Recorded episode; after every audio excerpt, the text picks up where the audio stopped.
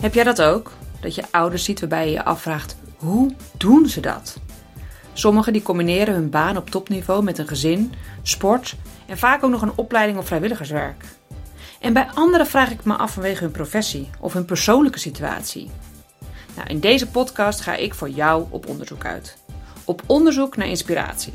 Zodat wij ouders van elkaar kunnen leren hoe we een relaxer en gelukkiger leven kunnen leiden. En daarmee een inspirerend voorbeeld zijn voor onze kinderen. Succesvol balanceren en succesvol opvoeden dus. Want dat willen we uiteindelijk toch allemaal, hoe we ons leven dan ook inrichten. Ik vind het nog steeds zo intrigerend hoe verschillend deze periode voor mensen is en hoe dat afhangt van wat voor baan je hebt. sommige mensen zijn juist veel rustiger, misschien niet in hun hoofd, maar wel vanwege de werkzaamheden omdat hun baan rustiger is. En andere mensen juist heel veel drukker. Wat dacht je bijvoorbeeld van schooldirecteuren? Wie had je geloofd als je vorig jaar had verteld dat kinderen een aantal maanden volledig thuisonderwijs zouden krijgen? Ik denk niemand. Maar het betekent natuurlijk nogal wat om die hele organisatie op gang te krijgen en continu te switchen. Nu ook weer naar scholen die volledig open zijn. En best wel veel leerkrachten die dat wellicht ook heel erg spannend vinden. En hoe doe je dat als schooldirecteur als je tegelijkertijd zelf drie kleine kinderen hebt thuis en een man met een drukke maan. Nou, ik interviewde hierover Renate van Iersel van den Heuvel. En we hebben het niet alleen over balans in deze coronatijden, maar ook hoe ze daarvoor alle ballen in de lucht hield. En dat levert een aantal mooie inzichten en hele praktische tips op. Ik wens je heel veel luisterplezier. Ik zou je als eerst willen vragen dat er wordt heel veel uh, gezegd en uh, geschreven over balans. En wat is balans precies voor jou?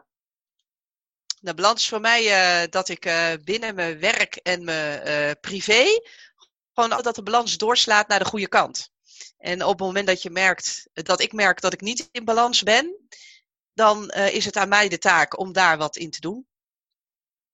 En, en dat doe ik dan ook en dan ben ik benieuwd hoe je dan bij jezelf, um, want vaak zijn we te laat in het opmerken dat we uit balans raken. Heb jij een manier waardoor je dat tijdig signaleert? Ja, ik uh, heb zeg maar de afgelopen tijd, we zitten natuurlijk midden in de coronatijd. En wat ik merkte toen de corona net uitbrak, toen uh, kwam er uh, nou, heel veel op op school af, op Teams, ook op mij. En ik merkte toen dat mijn lichaam een signaal ging afgeven. Ik stond toen 24 uur per dag aan, omdat er heel veel vragen kwamen van ouders, van collega's. Er waren dingen nog niet duidelijk. En ik vond dat ik op alles direct moest reageren. Dus, uh, en toen uh, gaf mijn lichaam een heel duidelijk signaal van als je zo doorgaat, ga je het niet volhouden. Dus ik ging toen uh, op een zaterdagochtend zag ik ineens dubbel.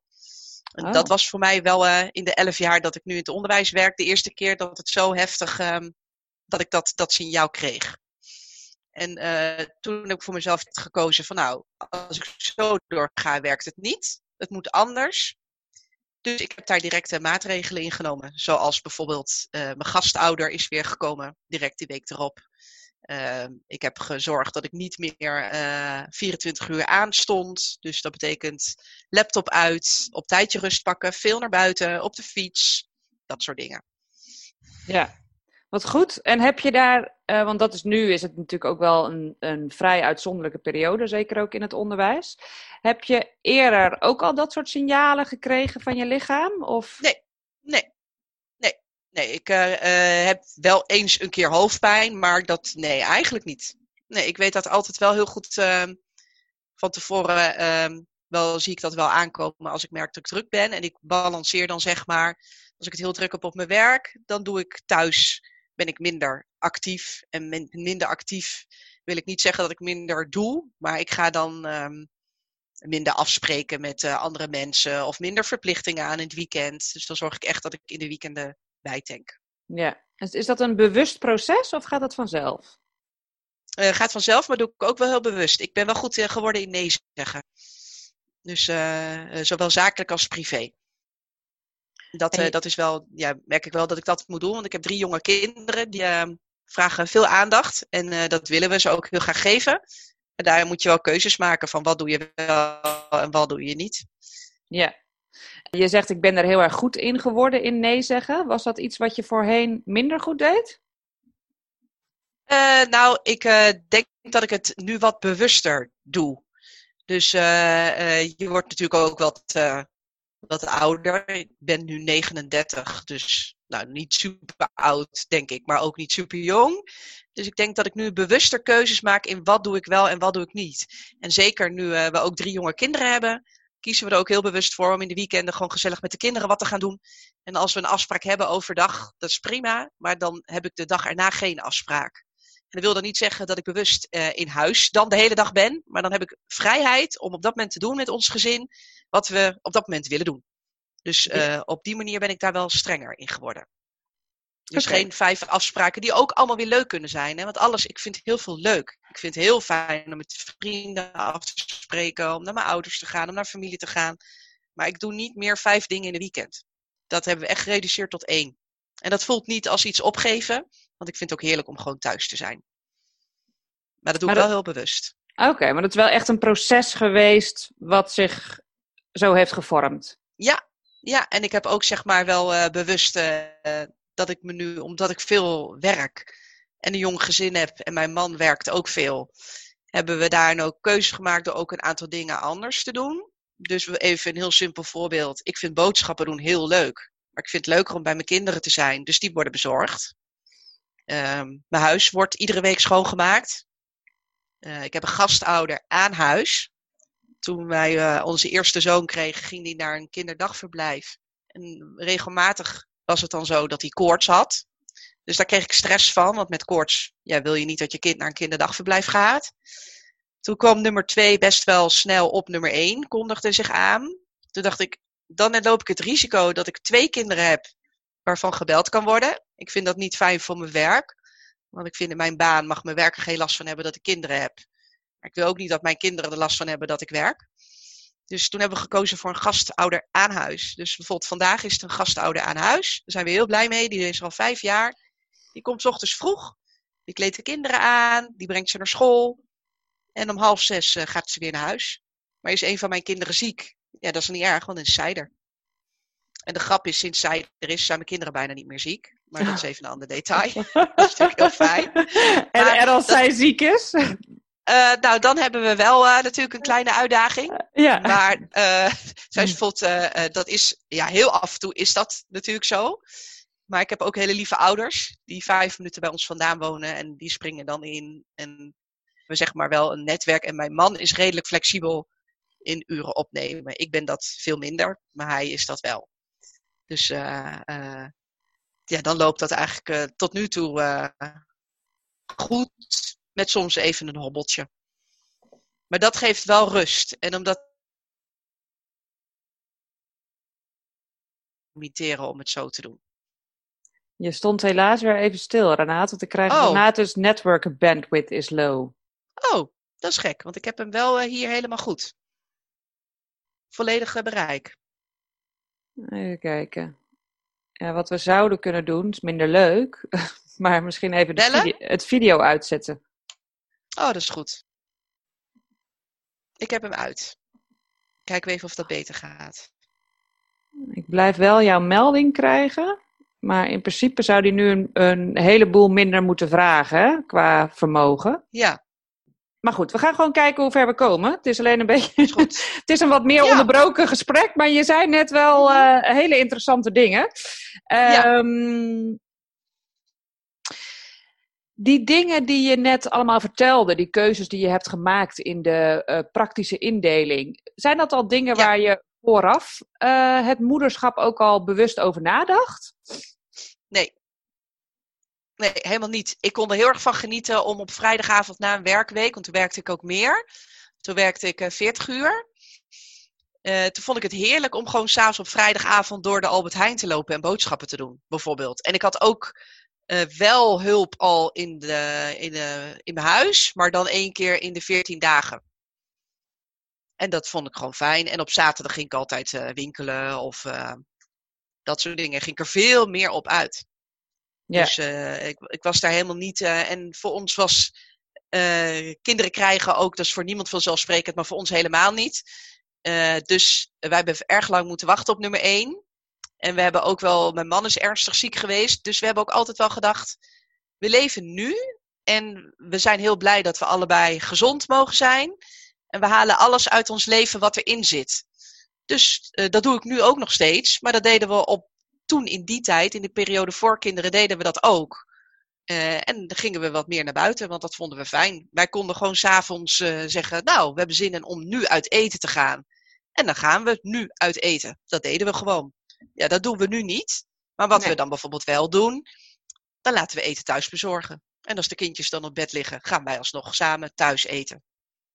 En dat is ja. geen concessie, maar daar kunnen we net zo goed van genieten. Ja, mooi. Kun je eens vertellen hoe jouw carrière zich ontwikkelde toen je kinderen kreeg? Veranderen daar dingen in? Ik ben in oktober 2009 bij, uh, ben ik directeur geworden van één school. En op een gegeven moment werd ik uh, meer scholendirecteur. En toen raakte ik in verwachting van nummer één. Dus eigenlijk deed ik een stap in mijn carrière uh, naar boven. Maar er kwam wel een kind, maar dat ging prima. Ik uh, ben toen iets minder gaan werken, maar dat liep gewoon zo verder door. En um, ja, uiteindelijk kwam nummer twee en drie. Maar ik ben mezelf wel blijven ontwikkelen. Ik mag vanaf 1 augustus zelfs leiding geven aan drie scholen.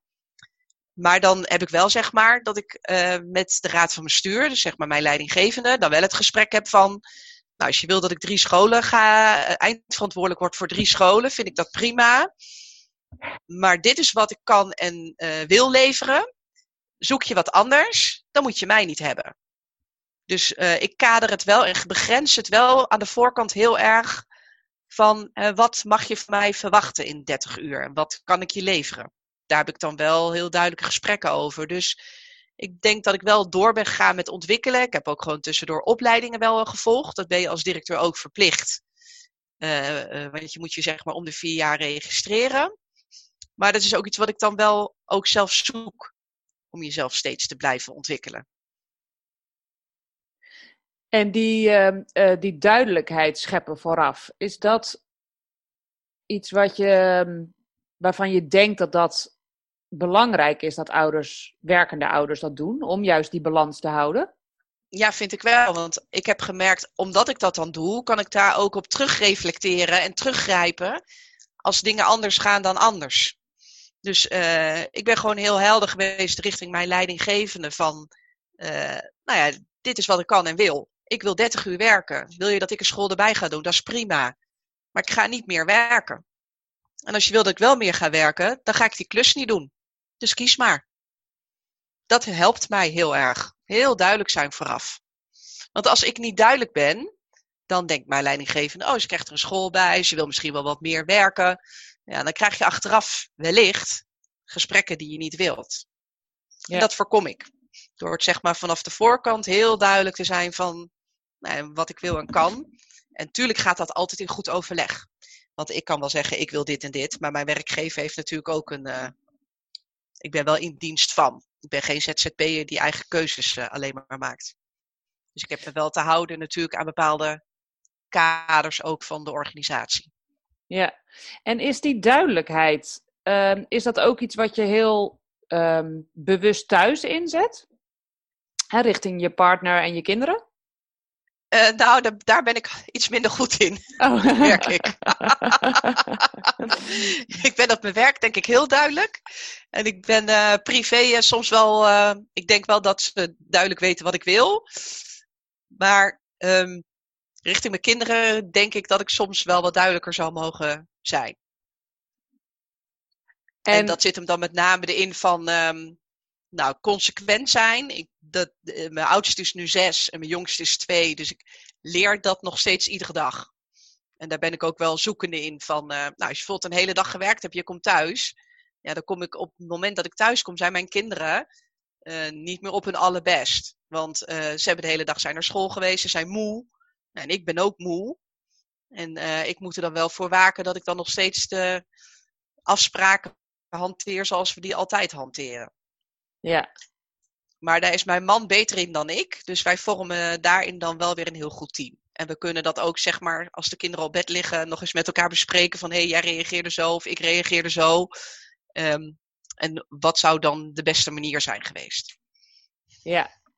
En, um, en die duidelijkheid richting je partner, is die wel zo duidelijk? Of zeg je nou, daar zou ook wel wat. Uh... nee, mijn partner en ik uh, zijn uh, heel erg aan elkaar gewaagd. Dus um, wij hebben dat gelooft ook niemand, maar wij hebben nooit ruzie bijvoorbeeld. Dat hebben we echt nooit. Omdat we, maar we spreken wel dingen duidelijk naar elkaar uit. Uh, ik ben denk ik best dominant, maar mijn partner is dat ook. En uh, dat maakt dat we gewoon daar hele mooie gesprekken over hebben. En al ruim 15 jaar supergelukkig zijn samen. dus uh, ik ben naar hem niet duidelijker dan 15 jaar geleden. Nee, helemaal niet. Hey, en je zegt van dat gelooft niemand. Wat voor ongeloof is daarover dan? Nou, mensen zeggen, ik hoor vaak dat mensen zeggen, ja, je moet toch, uh, ook in een relatie, je moet toch wel eens ruzie hebben om dingen duidelijk naar elkaar uit te spreken. Ja, dat hebben wij gewoon nooit. We hebben echt nooit ruzie. Nooit. Helemaal nooit. We zijn het niet altijd met elkaar eens. Maar ruzie hebben we echt niet. Dat de pannen door de, door de lucht heen vliegen of dat we echt boos zijn op elkaar. Ik ben nooit boos op hem. Nee, ik vind soms wel dingen minder leuk. En hij ook aan mij. Maar dat kunnen we gewoon tegen elkaar zeggen. Ja, ja interessant vind ik dat. Hè? Want ik heb dat zelf uh, vroeger had ik dat ook, namelijk. Uh, ja. en, uh, en mijn partner en ik zijn al twintig jaar of zo bij elkaar. En na ja. acht jaar, denk ik of zo, zijn we uit elkaar gegaan. En toen zijn we ja. allebei in die periode ons heel erg um, bezig geweest met persoonlijke ontwikkeling, met verschillen in communicatiestijlen. En we zijn uiteindelijk weer bij elkaar gekomen. En toen Hoi. we weer bij elkaar kwamen, nou hebben wij dus ook nooit ruzie. Oh, grappig. Uh, en ik dacht dus vroeger ook van, ja, dat is toch gewoon, ja, dat is ook een beetje het plaatje wat geschetst wordt vaak in de maatschappij. Hè? Van ja, dat, dat hoort er inderdaad dan maar bij. En ja. nu denk ik, ja, maar het hoort er helemaal niet bij. Het kan nee. echt anders als je uh, in ons geval jezelf ontwikkelt. Ja. En, en daar meer met meer begrip en openheid uh, naar de ander kijkt. En dat er ja. inderdaad meningsverschillen hebben wij ook. Um, en ik denk dat dat ook, ja, je bent aparte persoonlijkheden. En dat dat ook gewoon uh, er mag zijn. Dat heb je ook met je kinderen, ja. heb je ook met collega's, met iedereen. Ja, maar klopt. het respect voor de mening van een ander, dat is er wel altijd. Ja. Ja, weet je, en wij laten elkaar ook wel vrij. Wij kunnen heel erg genieten om samen uh, een filmpje te kijken uh, met een wijntje. Daar kunnen we heel erg van genieten.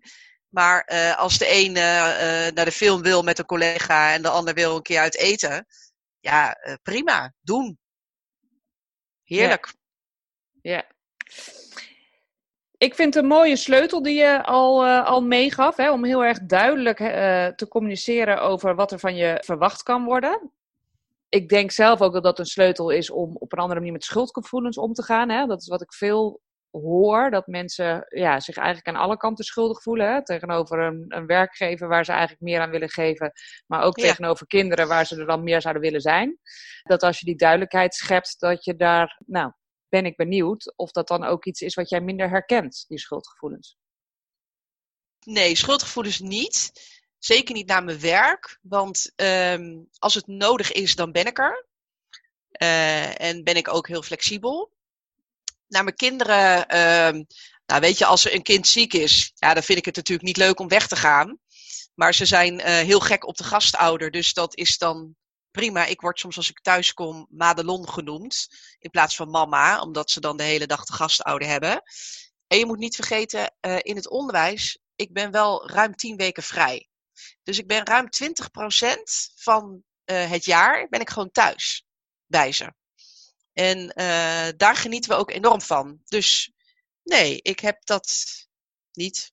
Nee, nee, want anders zou ik ook niet deze baan willen doen. Ik zou, kan deze baan alleen maar doen. A, omdat ik het heel erg leuk vind.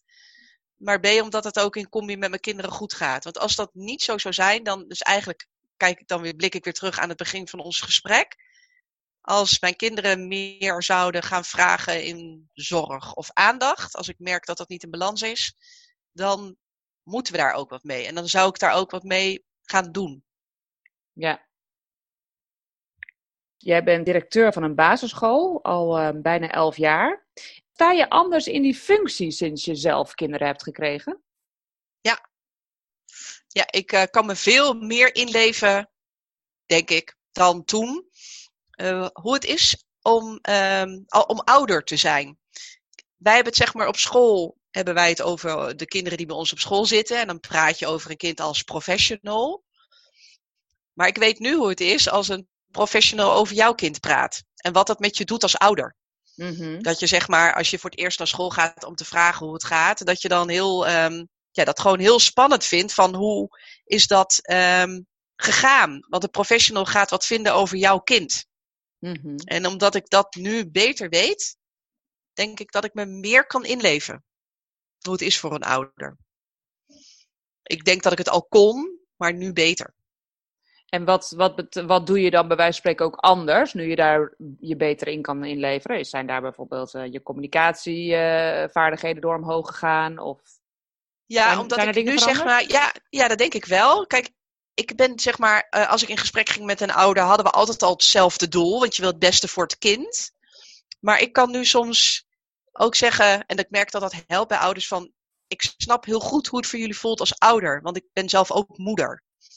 En dan verplaats je zeg maar op dat moment, ja, ga je uh, dan op dat moment vanuit professional rol even als ouderrol bij hun staan. En ik merk dat ouders dat gewoon heel erg fijn vinden en heel prettig. Ja. En toen um, kwam corona en um, we hadden het daar in het begin al eventjes over, dat er uh, met name qua werkdruk uh, heel veel uh, op je afkwam toen. Ja. Als we ervan uitgaan dat elk nadeel zijn voordeel heeft, wat is dan volgens jou, hè, gericht op balans, opvoeden of school, het voordeel van deze situatie? Wat ik heel fijn vond, um, is dat er was geen klok meer s ochtends. dus voor mijn kinderen sowieso niet. Die konden in alle rust lekker opstarten. En s ochtends gingen ze voor school aan het werk. En je was als gezin heel veel bij elkaar. Dus dat vond ik echt heel fijn. Geen verplichtingen, helemaal niks. Geen brood smeren s'avonds, vond ik ook heel fijn. Ja, en, uh, Want gisteravond stond ik weer, ik ga zelf naar mijn werk, mijn kinderen naar het werk. Nou, uh, voor mijn man, die heeft het dan voor zichzelf gedaan, maar dan sta ik zeg maar die broodbakken weer te vullen.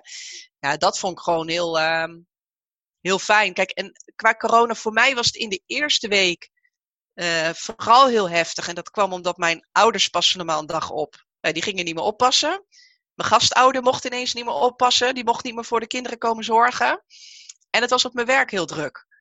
Dus dat was vooral zeg maar in de eerste week dat ik aan het bellen was met een collega. Mijn kinderen naar buiten aan het rennen waren. En dat ik echt dacht, oh nee, hoe hou ik dit drie weken vol? Want toen ging het om drie weken. Ja. En toen zeg maar was ik zaterdag, uh, die zaterdag op dat ik dubbel zag. En dat ik dacht, dit is niet oké. Okay.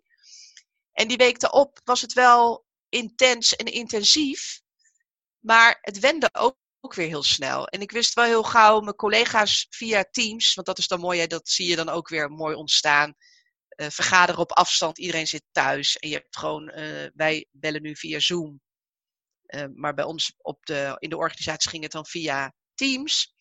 En dat je gewoon heel goed, dat, dat werkte ook gewoon heel goed. En goed overleggen en ook richting mijn team merkte ik dat ze het heel fijn vonden dat ik wel met mijn MT heel duidelijk was van nou, dit gaan we doen, we gaan die kant op, dan ontmoeten we elkaar weer.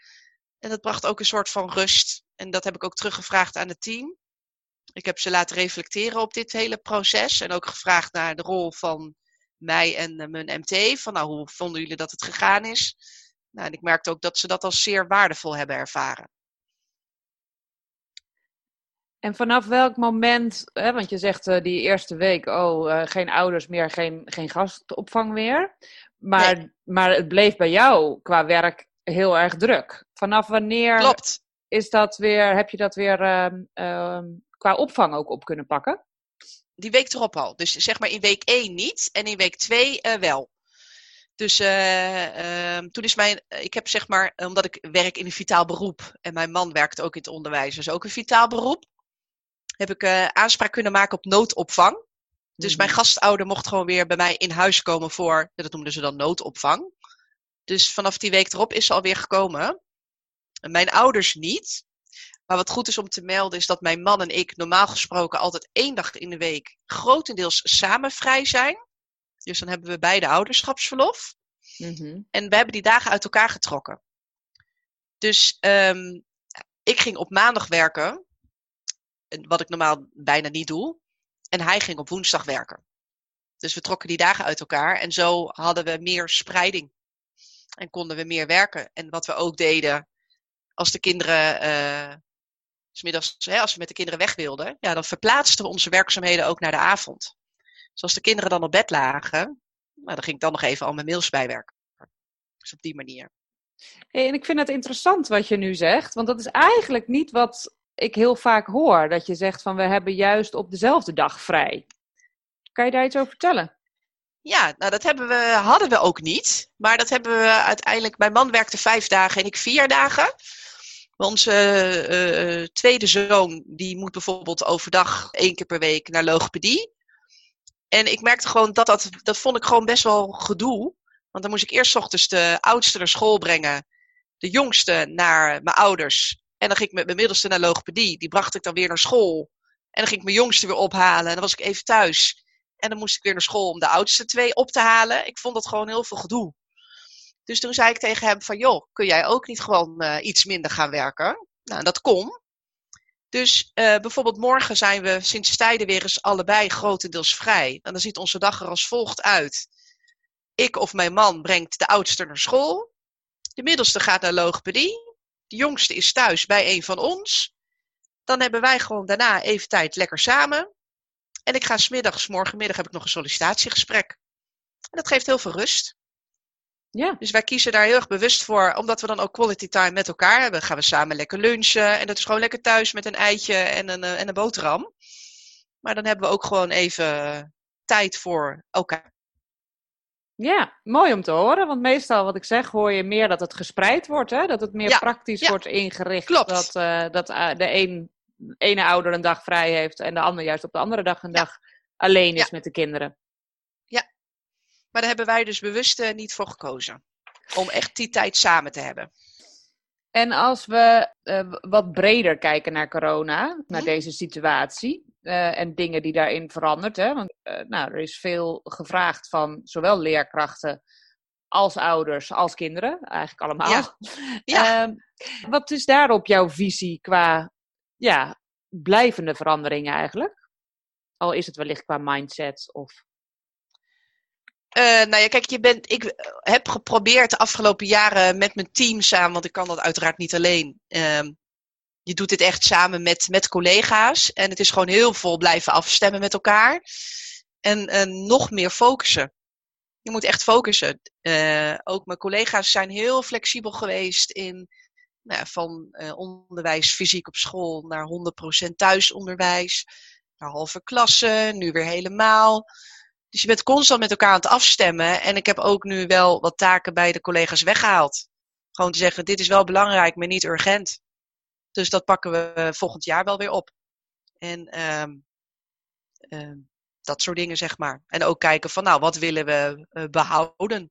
We werken nu bijvoorbeeld met een inloop. Dat uh, kinderen gewoon, die komen tussen een bepaalde tijd naar school. En die gaan direct naar binnen. Dus niet meer een bel die gaat. Nee, kinderen gaan gewoon zelfstandig naar binnen. En ook kleuters gaan nu zelfstandig naar binnen. En je ziet de zelfredzaamheid enorm toenemen. En dat zijn wel dingen die ik wel vast zou willen houden. Ja. Wat vind je in je werk het meest uitdagende? En dan ben ik benieuwd of je daarin dan ook een parallel ziet in je gezinsleven. Oeh, wat ik het uitdagende vind. Uh, nou, ik vind het, blijf het uitdagend vinden dat al mijn collega's en kinderen blij op school zijn. En ouders ook. Dat, hè, dat de ouders tevreden zijn, kinderen blij en zich kunnen ontwikkelen. En dat mijn collega's zich kunnen ontwikkelen en met veel werkplezier naar school gaan. Dat vind ik denk ik het meest uitdagende van mijn werk. En welke rol ik dan kan vervullen. Hè. Dus op het moment dat het met kinderen goed gaat. Um, ja, dat is natuurlijk onze um, uh, prioriteit. Maar daar heb ik ook mijn teamleden voor nodig. Dus ik zet zeg maar allerlei dingen in om mijn collega's gemotiveerd te houden. En dat we ook ja, het optimale kunnen halen en brengen voor de kinderen.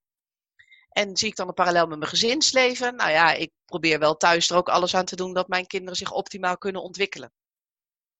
Dus dat zie ik dan zeg maar als, uh, als parallel. Ja. En natuurlijk wat je in je werk door alle kanten um, uh, krijg je natuurlijk invloeden. invloeden vanuit de overheid, invloeden vanuit het bestuur, die van allerlei richtlijnen en kaders oplegt. Maar ik durf dan wel ook wel buitenlijnen te kleuren. Maar meld dat dan ook wel. Ja. je hebt toch al wat energie nodig voor uh, een, uh, een gezin met drie kleine kinderen, een man uh, met een drukke baan en jij ook.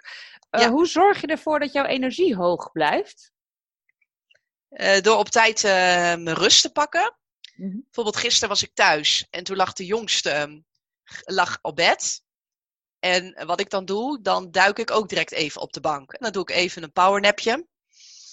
En uh, s'avonds uh, probeer ik echt wel op tijd tussen tien en half elf naar bed te gaan om een rust te pakken. En ik ben ook wel heel erg van naar buiten gaan. Dus um, ik ga veel fietsen.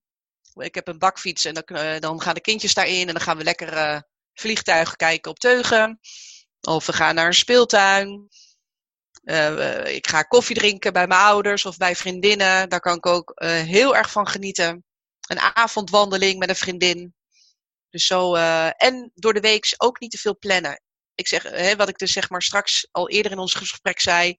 Niet te veel verplichtingen. Ook al zijn ze misschien allemaal leuk. Maar daarin ehm, zeg ik dus ook nee. Dus als ik bijvoorbeeld moet werken s'avonds. Dan heb ik de rest van de week geen avond activiteiten gepland. Dat geeft mij rust in mijn hoofd. Ja. Ik weet niet of je haar kent, Bronnie Ware. Dat is een um, Australische stervensbegeleidster. En zij ja. nou, heeft dus jarenlang uh, mensen begeleid op hun sterfbed. En nou, dan komen er vaak hele mooie gesprekken. En zij ontdekte een tendens in de top 5 waarvan mensen spijt hebben in hun leven. En dat ze achteraf aangeven: ik zou willen dat ik minder hard had gewerkt en meer tijd aan mijn gezin had besteed. Hoe waak jij ervoor dat je dat niet denkt uh, op je. Nou, ik kom. Ik ben elf jaar geleden heb ik een switch gemaakt van het bedrijfsleven naar uh, uh, onderwijs. En ik zeg nu soms wel eens als ik nog daar had gewerkt, want ik werkte in de detailhandel, ik was rayonmanager. Ja, dan was ik gewoon 60 uur van huis. En dan zat ik om vijf uur s ochtends in de auto. En dan was ik om half acht thuis. Als ik die baan nog had gehad, dan had ik misschien spijt gehad. Ik heb nu nog steeds een hele drukke baan. En omdat je niet meer praat over shampooflessen, maar het over kinderen hebt, is het een emotionele, zwaardere baan.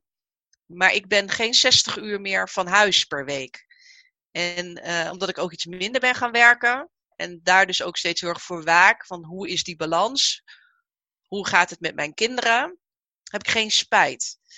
Want doordat mijn man ernstig ziek is geweest, weten we ook dat het leven heel kort kan zijn. Gelukkig gaat het heel goed met hem uiteindelijk. Maar dat was toen, in 2006, niet de verwachting. De verwachting was toen dat hij zou overlijden. Ben ik wel heel bewust gaan leven. Je leeft nu. Nu genieten. Het kan morgen afgelopen zijn. Zo denk ik niet iedere dag heel bewust. Maar dat gaat wel zo'n rode draad door ons leven. Ja, dat begrijp ik. Dat klinkt wel heel heftig. Ja, ja dat was ook heel heftig. En je zegt het gaat nu heel goed met hem. Is er dan nu ja. ook niet meer uh, een, een gevaar dat dat nog weer minder zal gaan? Nee, nee hij is, heeft in 2006 um, heeft hij kanker gehad. En toen was het um, ook helemaal uitgezaaid. En gelukkig uh, is dat uiteindelijk helemaal goed gekomen. En hij is heel lang onder controle gebleven. En toen zei op een gegeven moment de internist: je hoeft uh, na tien jaar, je hoeft niet meer op controle te komen, want de kans dat je buurman het krijgt is even groot. Dus uh, hij loopt nu niet meer een verhoogd risico. Maar het maakt voor ons wel dat we heel bewust, want hij was 21 toen hij uh, ziek werd. Jeetje. En dat de artsen zeiden van je hebt nog maar 1% overlevingskans. Maar we gaan nog wel wat doen. Maar de kans dat je er binnen een week niet meer bent is zeer groot. is 99 procent. Wat? Dus dat Jeetje. maakt ook wel... Uh, ja, ja, ja, ik vertel het nu heel luchtig hoor. Maar dat was het natuurlijk helemaal niet. Nee. Maar dat maakt wel dat wij, echt anders in het leven, dat wij echt anders in het leven staan. Dus dat is denk ik de grootste switch geweest in mindset. Uh, het ziek zijn van hem. Ja. Jeetje, ik ben er Ja. stil van. Als je dat, te horen ik. krijgt, dat je binnen een week... eh, Ja, en dan nu is hij er gewoon nog Ja. gezond en wel. ja, ja. En toen de jongste werd geboren, ehm, toen kreeg hij weer klachten. En toen, ja, toen gingen we, ging hij dus naar de huisarts en die zei direct, nee, je moet direct terug naar Nijmegen, want daar was hij uiteindelijk voor het laatst in behandeling geweest. Ja, en toen liepen we ook echt van, oh nee, dit gaat toch niet gebeuren. Drie kinderen en dat het dan terug is. En die angst die je dan op dat moment weer voelt, ja, dan komt alles van 2006 weer naar boven. Maar gelukkig was het uiteindelijk iets heel kleins, wat niks met de ziekte verder te maken had. Was gewoon een spierenkwestie. Maar toen werd je weer even met de neus op de feiten gedrukt van, ja, het kan. Weet je, ook in onze omgeving zijn er gewoon mensen die heel jong zijn en heel ernstig ziek zijn en ook niet meer beter worden. Ja, dat hebben we gewoon iets te veel meegemaakt. Dat je gewoon ook wil genieten en niet terug wil kijken van spijt. Ik weet nog toen ik in mijn zwangerschapsverlof zat, dat ik dacht, ik wil niet op mijn verlof terugkijken eh, van, oh, ze was zo goed bereikbaar voor PCBO, de, mijn werkgever. Ik wil terugkijken van, ik heb heel erg kunnen genieten. Betekent dat dan dat ik niet bereikbaar was? Nee, dat betekent het absoluut niet. Want ik was zeker bereikbaar, ook voor mijn werk. Ook omdat ik het gewoon fijn vond om contact te blijven houden. Maar die balans sloeg wel van nu genieten van het verlof dat je thuis bent, een uniek moment wat nooit meer terugkomt. Ja, en dat klinkt bijna, en dat hadden we het ook eventjes in het voorgesprek ook over, hè? dat je zei van nou op papier werk ik 30 uur, eh, in de praktijk is het vaak meer, maar zo voelt het niet. Ehm, is het dan met name een mindset ding, over hoe, op welke manier je er anders in staat? Ehm, ja, dat denk ik wel. Kijk, als mijn kinderen s'avonds op bed liggen en ik doe mijn laptop nog even open. eh, en eh, ik doe onder het koffie drinken of het kopje thee nog even een paar mailtjes wegwerken. Voelt dat voor mij op dat moment niet als werk. Ik ben natuurlijk wel aan het werk, want ik ben bezig om mails te beantwoorden of om over dingen na te denken. Maar zo voelt het niet, want ik doe wat ik leuk vind. En als je doet wat je leuk vindt, dan eh, draagt dat enorm bij aan je levensvreugd en de balans naar de goede kant houden. Ja. En ook in de energie hoog houden, kan ik me indenken. Absoluut. Ja. Klopt. Ja, dus doen wat je leuk vindt. En duidelijkheid. Nou, ik zie al een paar Ja. hele mooie duidelijke sleutels. Ik ben benieuwd of je daarnaast zelf nog eh, tips hebt voor werkende ouders, hoe ze werk en privé makkelijker kunnen combineren. En nou ja, wat ik zei, wat mij heel erg helpt, is gewoon als je werkt, eh, dan dat je best wel een aantal luxes kunt veroorloven. Als dat, hè, als dat financieel kan, zou ik dat echt aanraden. Het helpt mij gewoon heel erg als ik mijn boodschappen vanaf mijn luie stoel kan bestellen. Het helpt mij ook als mijn huis gewoon schoongemaakt wordt, want ik vind dat zelf niet zo leuk. En eh, dat draagt heel erg bij. En kijk gewoon wat je in je privé minder fijn vindt en of je dat ergens anders kunt beleggen. Dat eh, heeft mij in elk geval heel erg geholpen. Ja, en dan kan je van een gastouder aan huis. Eh, dat is, ehm, ja, kost misschien bij één kind wat meer dan kinderdagverblijf. Maar ehm, ja, dat geeft ons ook enorm veel rust. Kan ik iedereen aanraden. Ja, En doen in je werk wat je leuk vindt. Ook heel belangrijk. ja.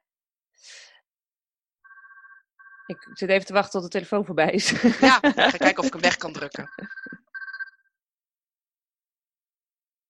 Zo, hij is nu weg.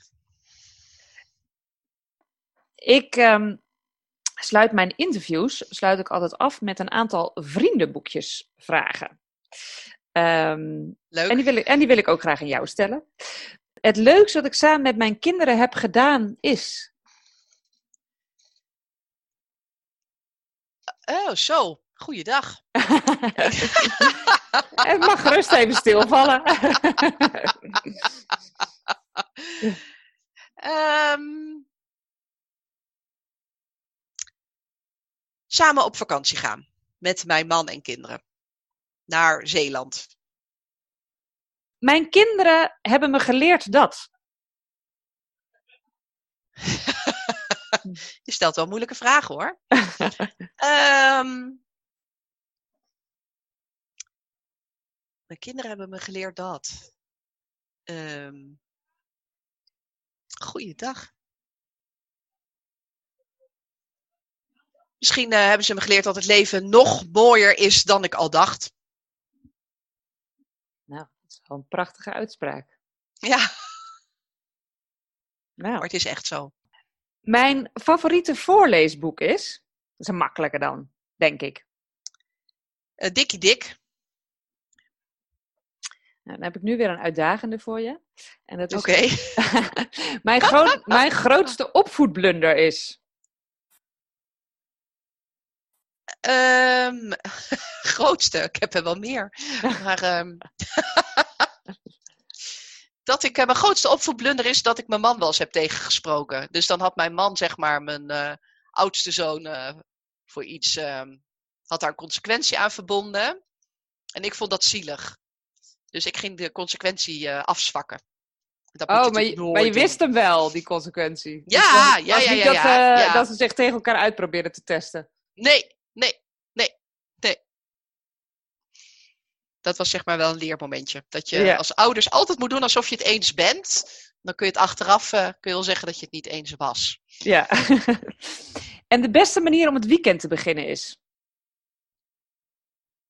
Um, met een uh, kopje koffie, een lekkere koek en een leuke serie. En mijn favoriete tegeltjeswijsheid is? Geniet vandaag. Want je weet nooit hoe het morgen zal zijn. En tot slot, ik zou best graag een dagje willen ruilen met.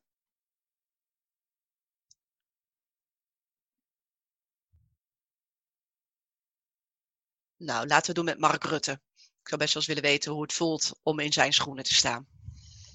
En hoe je dan balanceert. Ja, dat lijkt me nu in deze periode ook, een, eh, periode ook een hele uitdagende. Nou, maar dan maar één dagje, hè? En daarna weer gauw terug. ja, precies. Is er een vraag die ik niet heb gesteld, maar wel had moeten stellen? Of iets anders waarvan je zegt, dat zou ik nog graag kwijt willen? Um, nee, ik denk dat alles wel aan bod is gekomen wat ik belangrijk vond, wat je zou moeten weten van mij. Nou, dan wil ik je ontzettend uh, bedanken hiervoor, voor jouw uh, inspiratie. Wat mij betreft zaten er een paar hele mooie, uh, goede en ook duidelijke tips tussen waar uh, ouders aan de slag kunnen. Mooi, ik hoop dat mensen er wat aan hebben. Nou, dat lijkt mij wel. Althans, ik vond dat Renate een paar mooie, heldere sleutels had. Zoals duidelijkheid creëren richting je werkgever. Wat kan die van je verwachten? Bewustzijn om continu te checken of je nog gelukkig bent en in balans bent. En uitbesteden. En dat klinkt zo ontzettend logisch, maar dat is het in de praktijk lang niet altijd. Ik had ooit een collega, een eh, fulltime werkende moeder, die een fulltime werkende partner had en die geen schoonmaakster wilde, omdat ze vond dat ze het zelf beter kon. Als we het over balans hebben, gaat het vaak niet om deze praktische oplossingen, maar om de belemmerende overtuigingen die we hebben. Het perfectionisme van mijn collega. Geen nee durven zeggen. Of jezelf niet goed genoeg vinden, waardoor je dat gaat compenseren door nog harder te werken. Nou, wil jij meer balans? Ik help je er graag bij. Dat kan middels trainingen of coaching. Overigens kan dat laatste heel goed coronaproof online. En in bijna alle gevallen betalen werkgevers heel graag. Omdat het hen geen geld kost, maar juist geld oplevert. Gelukkige medewerkers zijn namelijk tot 50% minder vaak ziek, 9 keer zo loyaal en ook nog eens een stuk productiever.